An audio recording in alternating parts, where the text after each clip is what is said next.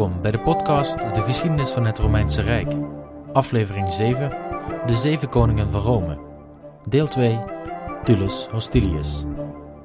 Vorige week hebben we gezien hoe Numa Pompilius Rome omtoverde van oorlogslustige barbaren naar godenvrezende boeren.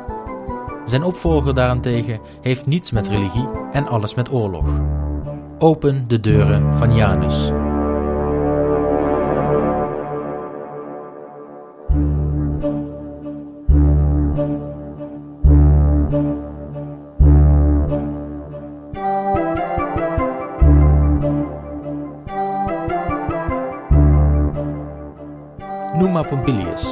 Tweede koning van Rome, stierf op 80-jarige leeftijd in het jaar 673 voor Christus. Hij bracht tijdens zijn heerschappij 43 jaren vrede naar Rome, nadat zij onder Romulus 40 jaren oorlog hadden gekend. Men zegt dat de Romeinen na Romulus en Numa zowel geleerd waren in de kunsten van oorlog als in de kunsten van de religie. De omslag naar een nieuwe koning kon niet groter zijn. Na een kort interregnum droeg het volk een nieuwe koning voor, welke geaccepteerd werd door de Senaat. Zijn naam Tullus Hostilius. Hij was een kleinzoon van de Romeinse officier welke dapper had gevochten tegen de Sabijnen na de val van de citadel. Het gaat om de man waarover ik in aflevering 5 vertelde. Hij vocht een één op één duel uit met de Sabijnse bevelhebber en verloor uiteindelijk het gevecht. Hij werd gedood door de Sabijn maar zijn dapperheid gaf hem een heldenstatus bij de Romeinen. De nieuwe koning was dus een kleinzoon van deze man, en laat ik zeggen dat hij op zijn zachtst gezegd het tegenovergestelde was van Numa. Hij werd geleid door jeugdige grandeur en de prestaties van zijn grootvader motiveerden hem tot het bereiken van eenzelfde heldenstatus. Ik zeg jeugdige grandeur omdat Livius dit schrijft. Het is echter onbekend wanneer Tullus werd geboren, en dus gaan we er maar vanuit dat hij in zijn begin twintiger jaren was op het moment van zijn verkiezing. Men stelt dat Tullus een nog grotere lust naar oorlog had dan Romulus. Tullus had Rome geërfd van Numa na veertig jaren vrede. Het leger was zo goed als afgeschaft en het volk was het vechten zo goed als verleerd. De soldaten met wie Romulus de buren had verslagen waren inmiddels te oud om nog te vechten en dus had Rome geen beschikking over een door de wol geverfd leger. Sterker nog, er was amper een leger na Numa. Tullus vond de staat waarin Rome verkeerde maar niks. De eeuwige vijanden van Rome zouden op dit moment geen partij hebben aan de Romeinen, en Tullus was ervan overtuigd dat de vraag niet was of Rome zou worden aangevallen, maar wanneer. Bang dat de buren zouden denken dat de macht van Rome niets meer voor zou stellen na veertig jaren inactiviteit, was hij op zoek naar een casus belli, of reden van oorlog. Hij liet direct mannen recruteren voor zijn leger, en wanneer hij de Romeinen opnieuw bewapend had, ging hij op zoek naar een excuus voor oorlog. Het toeval wil dat ten tijde van dit alles er een klein conflict speelde op de grens tussen Alba Longa en Rome. Herders van de beide steden waren verzeild geraakt in een conflict over welke stukken land aan hen toebehoorden, en er werden geregeld over en weer kleine rooftochten georganiseerd. Zowel in Alba Longa als in Rome was dit conflict opgevallen en de koning van Alba Longa, ene meneer Gaius Clulius, stuurde direct gezanten naar Rome, met het verzoek om de Albaanse herders schadeloos te stellen.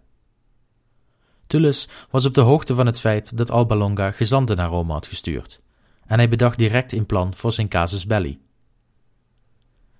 Hij stuurde vrijwel gelijktijdig Romeinse gezanten richting Alba Longa, met de mededeling dat zij geen enkele tijd moesten verspillen en direct moesten vragen om schadeloosstelling van de Romeinse herders.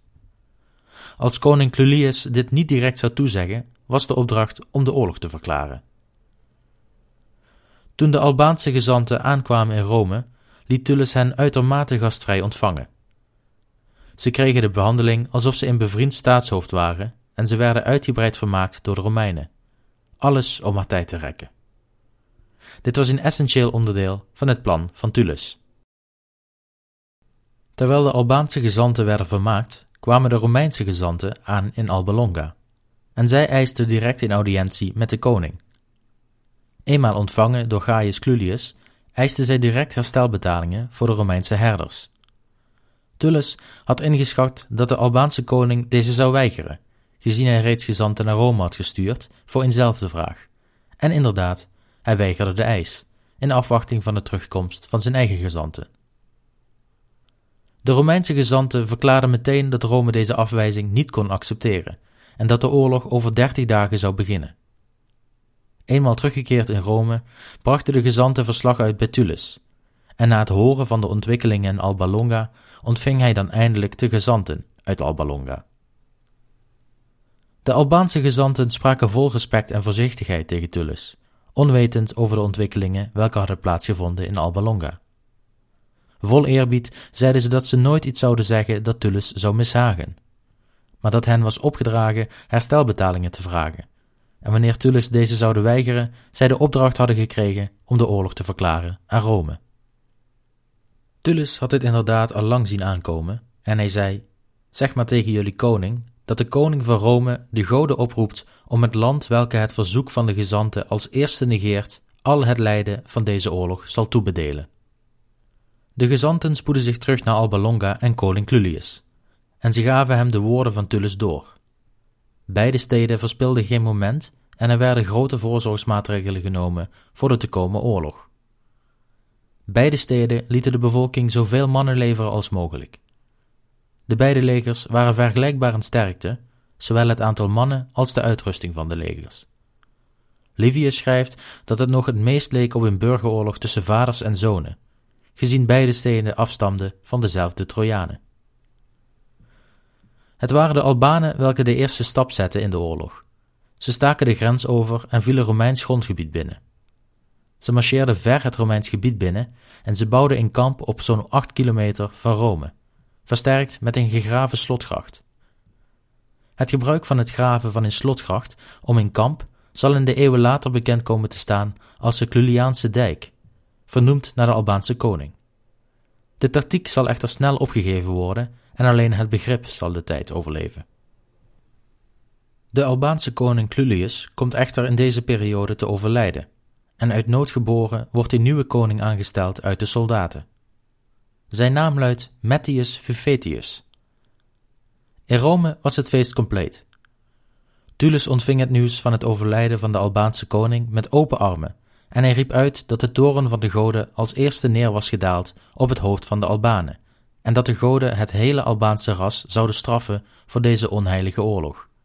Het nieuws gaf hem nog meer bloedlust en hij wist dat hij de Albanen nu makkelijk zou verslaan. Mettius, de nieuwe koning van de Albanen, zag in dat zijn situatie er grimmig uitzag. Zijn leger was in zijn moraal geschaad en het vertrouwen in de nieuwe leider zal niet optimaal geweest zijn. In de nacht welke volgde merkten de Albanen op dat het Romeinse leger hen gepasseerd was en rechtstreeks op Alba Longa afmarcheerde. Mettius liet zijn leger de spullen oppakken en marcheerde achter de Romeinen aan. Hij probeerde zo dicht als mogelijk in de buurt te komen bij de Romeinen, en eenmaal aan de staart van de Romeinse mars stuurde hij boodschappers naar Tullus. Zij zeiden dat alvorens de oorlog in alle hevigheid zou losbarsten, de twee koningen met elkaar zouden moeten spreken. Tullus accepteerde de uitnodiging, en al snel baanden de twee leiders zich een weg door de linies naar voren. Wanneer zij elkaar ontmoetten, sprak koning Mettius van de Albanen de volgende woorden. Ik denk dat ik onze koning Clulius heb horen zeggen dat daden van diefstal en het niet restitueren van geplunderde eigendommen in strijd met het bestaande verdrag de oorzaak waren van deze oorlog. En ik twijfel er niet aan dat u, Tullus, hetzelfde beweert. Maar als we in ons hart kijken naar wat waar is, anders dan wat waarschijnlijk is, moeten we toegeven dat het een verlangen naar een rijk is geweest, welke onzezelfde en naburige bevolkingen de wapens hebben doen oppakken tegen elkaar. Of de oorlog nu gerechtvaardigd is of niet, daar oordeel ik niet over. Laat degene wie de oorlog is begonnen hierover oordelen. Ik ben slechts de persoon welke uit nood de zeggenschap over het leger heeft verkregen. Maar laat me u waarschuwen, koning van Rome. U weet van ons beiden het beste van de macht van de Etruskische landen, daar zij dichter bij Rome liggen dan Alba Longa. De immense kracht van de Etrusken, zowel bij land als bij zee. Denkt u eraan dat wanneer u het teken geeft aan uw soldaten om de aanval te starten, dat onze twee legers onder de ogen van de Etrusken elkaar zullen bevechten, en dat wanneer wij verzwakt en moe zijn door het gevecht, de Etrusken ons zullen aanvallen, en zij zullen geen verschil maken tussen winnaar of verliezer. Echter, als we nu nog steeds niet tevreden zijn met de vrijheden welke wij nu ieder genieten, en we er zeker van zijn dat we willen kiezen tussen wie van ons slaaf is en wie meester, we in hemelsnaam een manier overeenkomen om te beslissen wie de overheersers zullen zijn, zonder het vergieten van bloed en zonder lijden. Ondanks dat Tullius vol bloedlust was en hij zeker wist dat hij de oorlog zou winnen, voelde hij ook wat voor het pleidooi van Matthias. En ze kwamen tot overeenstemming over hoe te bepalen wie van de twee de meester werd en wie de slaaf. Het verhaal dat nu volgt vind ik zelf een van de mooiste verhalen van de vroege Romeinse geschiedenis. Ik citeer nu uit het boek van Livius. Het toeval wilde dat er zich in elk van de beide legers een drieling bevond, van dezelfde leeftijd en met een even grote lichaamskracht. Dat zij Horati en Curiati heten, staat vast, want geen verhaal uit de oudheid is beter bekend. Maar hoe befaamd de geschiedenis ook is, er bestaat toch onzekerheid over de vraag tot welk volk de Horati behoorde en tot welk volk de Curiati. De meningen van de geschiedschrijvers zijn verdeeld. Ik kom er echter meer tegen die zeggen dat de Horati Romeinen waren, en ik ben geneigd me bij hen aan te sluiten. Met deze drielingen onderhandelden de koningen, en zij vroegen hun in zwaardgevecht te leveren, ieder voor zijn eigen vaderland. Het volk waartoe de overwinnaars behoorden, zou heersen. Niemand had bezwaar, en men maakte een afspraak omtrent tijd en plaats. Voordat de strijd begon, werd er een verdrag gesloten tussen de Romeinen en de Albanen, met de volgende bepaling. Het volk waarvan de burgers deze strijd zouden winnen, zou in vrede heersen over het andere. Toen het verdrag gesloten was, namen de drielingen, zoals was afgesproken, hun wapens op. Van beide kanten vuurden hun landgenoten hen aan, roepende dat de goden van hun vaderen, hun vaderland, hun ouders en medeburgers in het leger en thuis hun vaardigheid met de wapens gadesloegen. En zo traden zij, vechters van nature en door het ophitsend geschreeuw van de soldaten geladen met strijdlust, naar voren in de ruimte tussen de fronten. De twee legers hadden plaatsgenomen voor een kamp. Ze werden door geen onmiddellijk gevaar bedreigd, maar waren niettemin vervuld van zorg. De heerschappij stond op het spel en hing af van de moed en het gelukkige gesternte van zo'n luttel aantal mensen. Daarom volgden ze aandachtig en in angstige spanning het verre van prettige schouwspel. Daar werd het sein gegeven en de twee drietallen stormden als legers in slagorde op elkaar af, met getrokken zwaarden. De geestdrift van grote troepenmachten in zich meedragend. Geen van beide partijen dacht aan eigen gevaar. Ze dachten alleen aan de heerschappij of slavernij van hun staat en aan het toekomstige lot van hun vaderland, dat van henzelf afhankelijk was. Dadelijk bij het eerste treffen dreunden de schilden op elkaar en flitsten de fonkelende zwaarden. In immense huiver doorvoer de toeschouwers, en zolang de balans van de hoop niet naar de ene of de andere zijde doorsloeg, stokte geluid en adem in hun toegesnoerde kelen.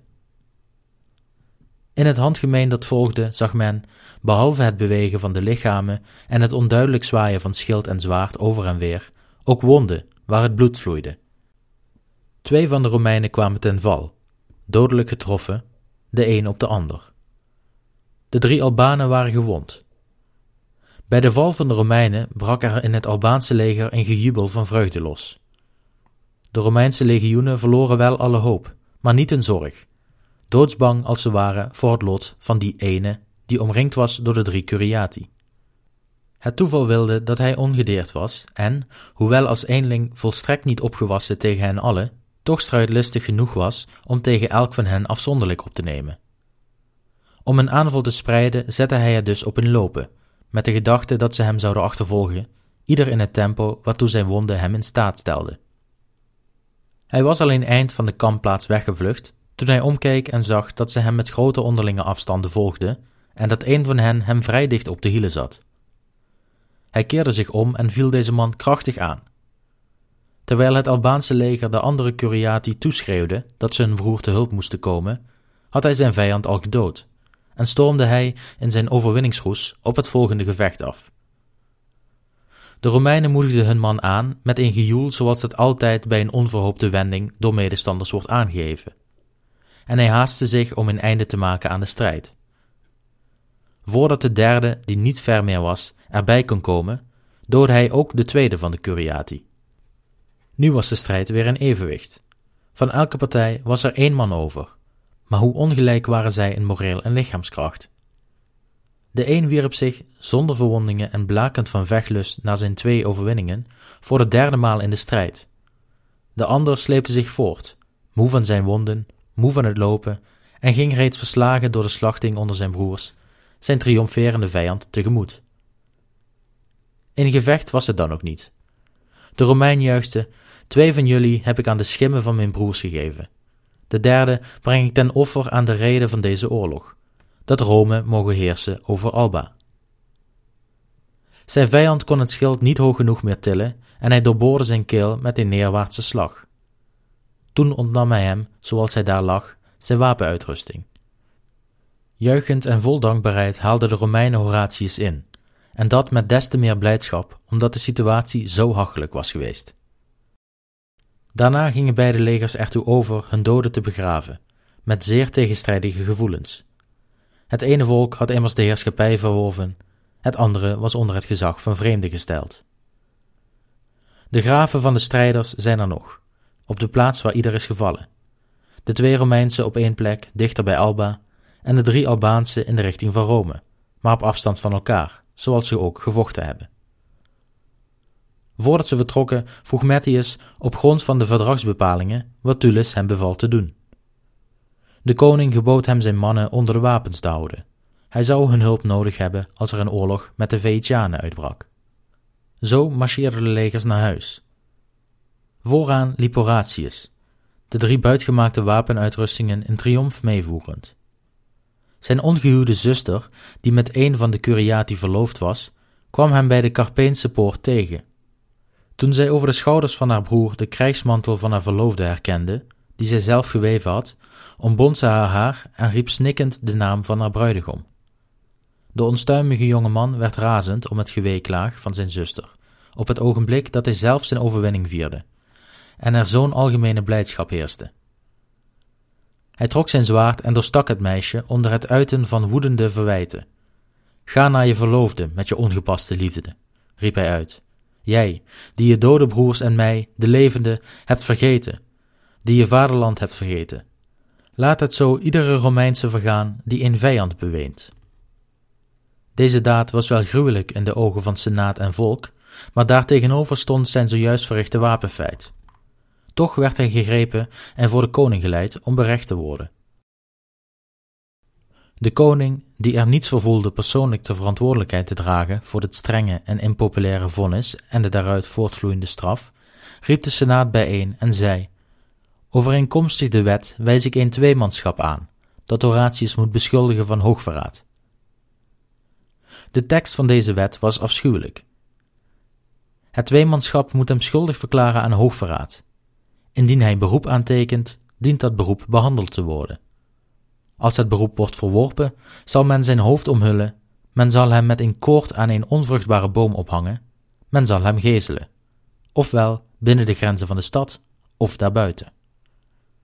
Volgens deze wet werden de twee mannen gekozen. Gezien de bepalingen van de wet meenden zij niet dat zij iemand van rechtsvervolging konden ontslaan, zelfs niet als hij onschuldig was.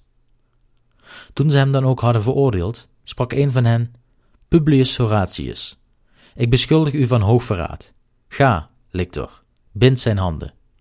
De lictor was al snel naar voren gekomen en begon hem de boeien aan te doen. Toen riep Horatius op aandringen van Tullus, die de wet in milde zin interpreteerde: Ik vraag beroep aan, en dus werd het appel voor de volksvergadering behandeld. Tijdens dit proces maakte vooral de verklaring van Publius Horatius, de vader, indruk op de mensen. Hij verzekerde dat hij het doden van zijn dochter een rechtvaardige zaak vond. Als dat niet zo was, dan zou hij met gebruikmaking van zijn recht als vader zijn zoon eigenhandig gestraft hebben. Toen smeekte hij de mannen, die hem nog even tevoren hadden gezien te midden van zijn zo'n voortreffelijk stel nakomelingen, hem toch niet kinderloos te maken. Terwijl hij dit zei, omhelsde de oude man zijn zoon en wijzend naar de buitgemaakte wapens van de Curiati, die bevestigd waren op de plaats die men nu nog de speren van Horatius noemt, sprak hij: Deze jonge man hebt u zo pas nog beladen met eer en juichend om zijn overwinning zien voortschrijden. Is het u mogelijk, burgers, het nu aan te zien dat hij onder het juk gebonden, gegezeld en gemarteld wordt? Zelfs Albaanse ogen zouden zo'n afzichtelijk schouwspel niet kunnen verdragen. Ga, lictor, bind de handen die zojuist nog met wapens voor het Romeinse volk de heerschappij bevochten hebben. Ga en omhul het hoofd van de bevrijder van deze stad. Bind hem aan een onvruchtbare boom. Gezel hem, ofwel binnen de grenzen van de stad, te midden van deze wapenen, deze oorlogsbuit, of daarbuiten, tussen de graven van de Curiati. Want naar welke plaats kunt u deze jonge man brengen waar zijn roemrijke daden niet voor hem pleiten, tegen een zo onterende terechtstelling? Het volk zwichtte voor de tranen van de vader en de moed van de zoon, die elk gevaar had getrotseerd, en ze spraken hem vrij, meer uit bewondering voor zijn dapperheid dan op grond van het recht. Om de openlijke doodslag toch door een zoenoffer uit te boeten, kreeg de vader bevel zijn zoon op staatskosten van schuld te zuiveren. Hij bracht enige zoenoffers die sindsdien traditie zijn in de familie van Dorati, en overspande de weg met een dwarsboom bij wijze van juk, waar hij de jongen met omhuld hoofd onderdoor liet gaan. Deze balk is nog steeds en wordt op staatskosten onderhouden. Men noemt hem de zusterbalk. Voor Horatia is op de plek waar zij werd neergeslagen een grafmonument opgericht van gouden steen. Tot zover het citaat uit het boek van Livius. De balk waar Horatius onderdoor moest lopen is een bekend fenomeen uit de Romeinse geschiedenis. De Romeinen lieten meermaals verslagen vijanden onder het juk doorlopen om hen de wetten van Rome te laten erkennen en om er zo voor te zorgen dat de vijanden zich naar deze wetten zouden gedragen.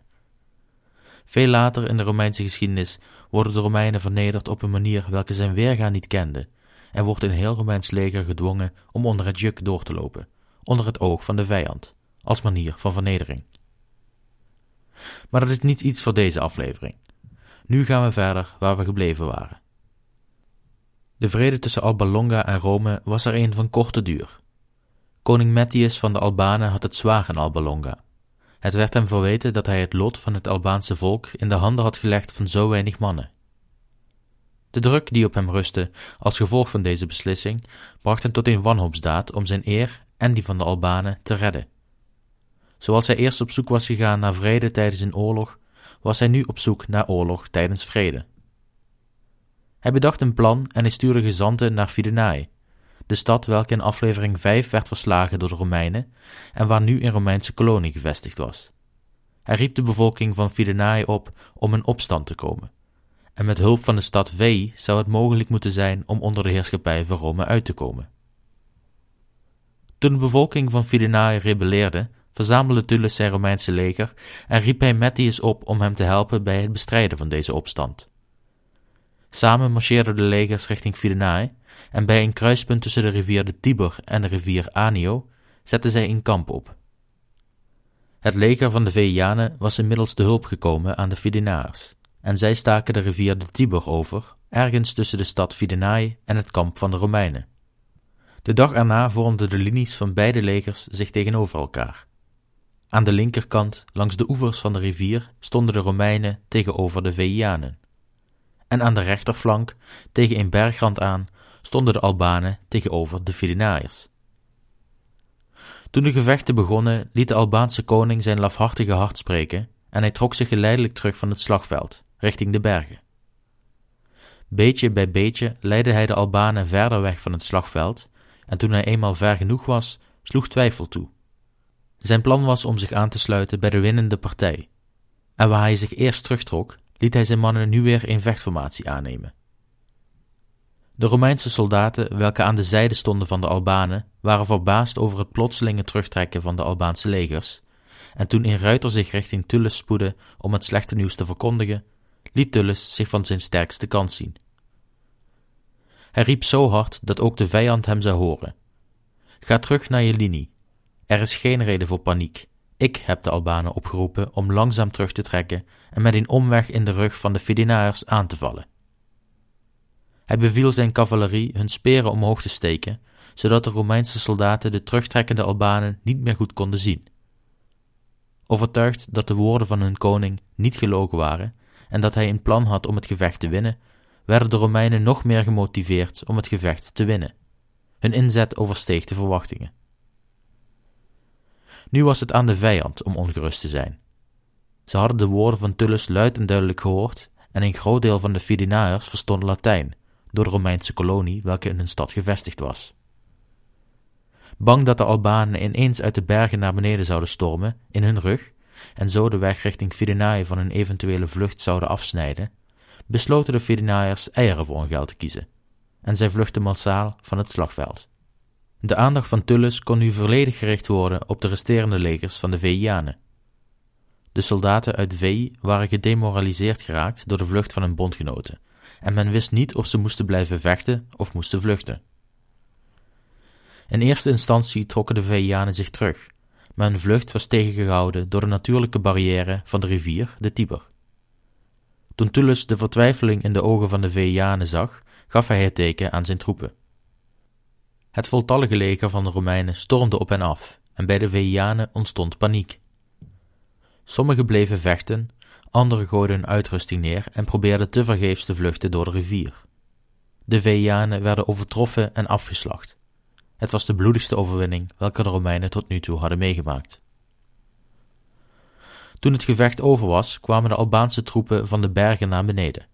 Mettius feliciteerde Tullus met zijn overwinning.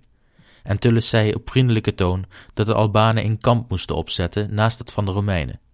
Morgen zouden ze grote voorbereidingen treffen voor een offer aan de goden ter viering van de overwinning. De Albanen gehoorzaamden, en de dag erna, bij het aanbreken van het eerste licht, werden als eerst de Albanen uit het kamp geroepen om zich ongewapend voor te bereiden op de festiviteiten. De Romeinse legers volgden al snel erna. Zij hadden het bevel gekregen om de wapens wel mee te nemen en ze stonden klaar om op orders van Tullus te handelen. Toen de Albanen buiten het kamp stonden en vrijwel omringd werden door hun gewapende Romeinse bondgenoten, hield Tullus een speech. Romeinen, als er één oorlog is waar jullie ten eerste de goden moeten bedanken en vervolgens jullie eigen persoonlijke moed, dan is het de oorlog van gisteren. Daar waar jullie niet alleen moesten vechten tegen een vijand, maar waar het echte conflict zich richtte tegen jullie laffe en trouweloze bondgenoten. Het was namelijk niet mijn commando geweest, waardoor de Albanen zich terugtrokken van het gevecht. Wat je mij hoorde roepen was een list om de lafhartige terugtrekking van de Albanen niet als gif voor jullie moed te laten zijn, maar een gif in de harten van onze vijanden. De schuld van dit verraad ligt niet bij alle Albanen, welke hier voor jullie staan. Zij volgden slechts hun leider, zoals jullie mij zouden zijn gevolgd als ik het teken gaf om terug te trekken. Het is Mettius, veroorzaker van dit verraad, veroorzaker van deze oorlog. Mettius die het verdrag tussen Rome en Alba Longa verbrak. Wat is er te gebeuren als ik deze man laat wegkomen met zijn verraad? Wat voor voorbeeld zou ik zetten voor toekomstige lafhartigen? Mettius zal een voorbeeld worden voor de hele wereld. Vervolgens sprak Tullus rechtstreeks tot de Albaanse koning. Hij zei: Mettius Fufetius, ik zal van jou een voorbeeld maken om de mensheid te onderwijzen dat je verdragen respecteert en dat je het geen heilig niet de rug toekeert. Zoals je gisteren jouw interesse verdeeld had tussen Romeinen en Etrusken, zo zal uw lichaam vandaag verdeeld worden en uiteengetrokken. De Romeinse soldaten omsingelden Mettius bonden hen aan armen en benen vast aan strijdwagens, en voor de ogen van de Albanen werd een koning gevierendeeld. Tullus gaf toen het bevel om de Albaanse soldaten, samen met de bevolking, uit Alba Longa over te plaatsen naar Rome. De twee steden Alba Longa en Rome zouden net als vroeger weer deel uitmaken van één staat. Vervolgens stuurde Tullus een groep mannen naar Alba Longa om de stad met de grond gelijk te maken. Hij liet de tempel sparen, maar de rest van de stad zou worden platgebrand. Men zegt dat de stad Alba Longa, welke in 400 jaren was opgebouwd, werd afgebrand in slechts één uur. Terug in Rome groeide de bevolking wederom aanzienlijk. Tullus stelde ditmaal Albaanse senatoren aan, zoals dat ook was gebeurd met de Sabijnen. Hij liet een nieuw gebouw optrekken voor de Senaat, omdat het oude te klein was geworden. De legers van beide steden werden samengevoegd en dus nam de militaire kracht van Rome nog verder toe. Gezien de lengte van deze aflevering wil ik het er van nu even bij laten. De volgende aflevering kijken we naar nog een oorlog en zien we hoe Tullus aan zijn legendarische eind komt, En vragen we ons af of de beste man überhaupt ooit heeft bestaan. Ook zal de volgende aflevering zijn opvolger besproken worden. Voor nu, bedankt voor het luisteren en mag ik jullie vragen een beoordeling achter te laten in iTunes. Voor op- of aanmerkingen, hints en tips verwijs ik jullie graag door naar de website de geschiedenis van het Romeinse Rijk.blogspot.com of klik op de link onderaan in de beschrijving. Alvast bedankt.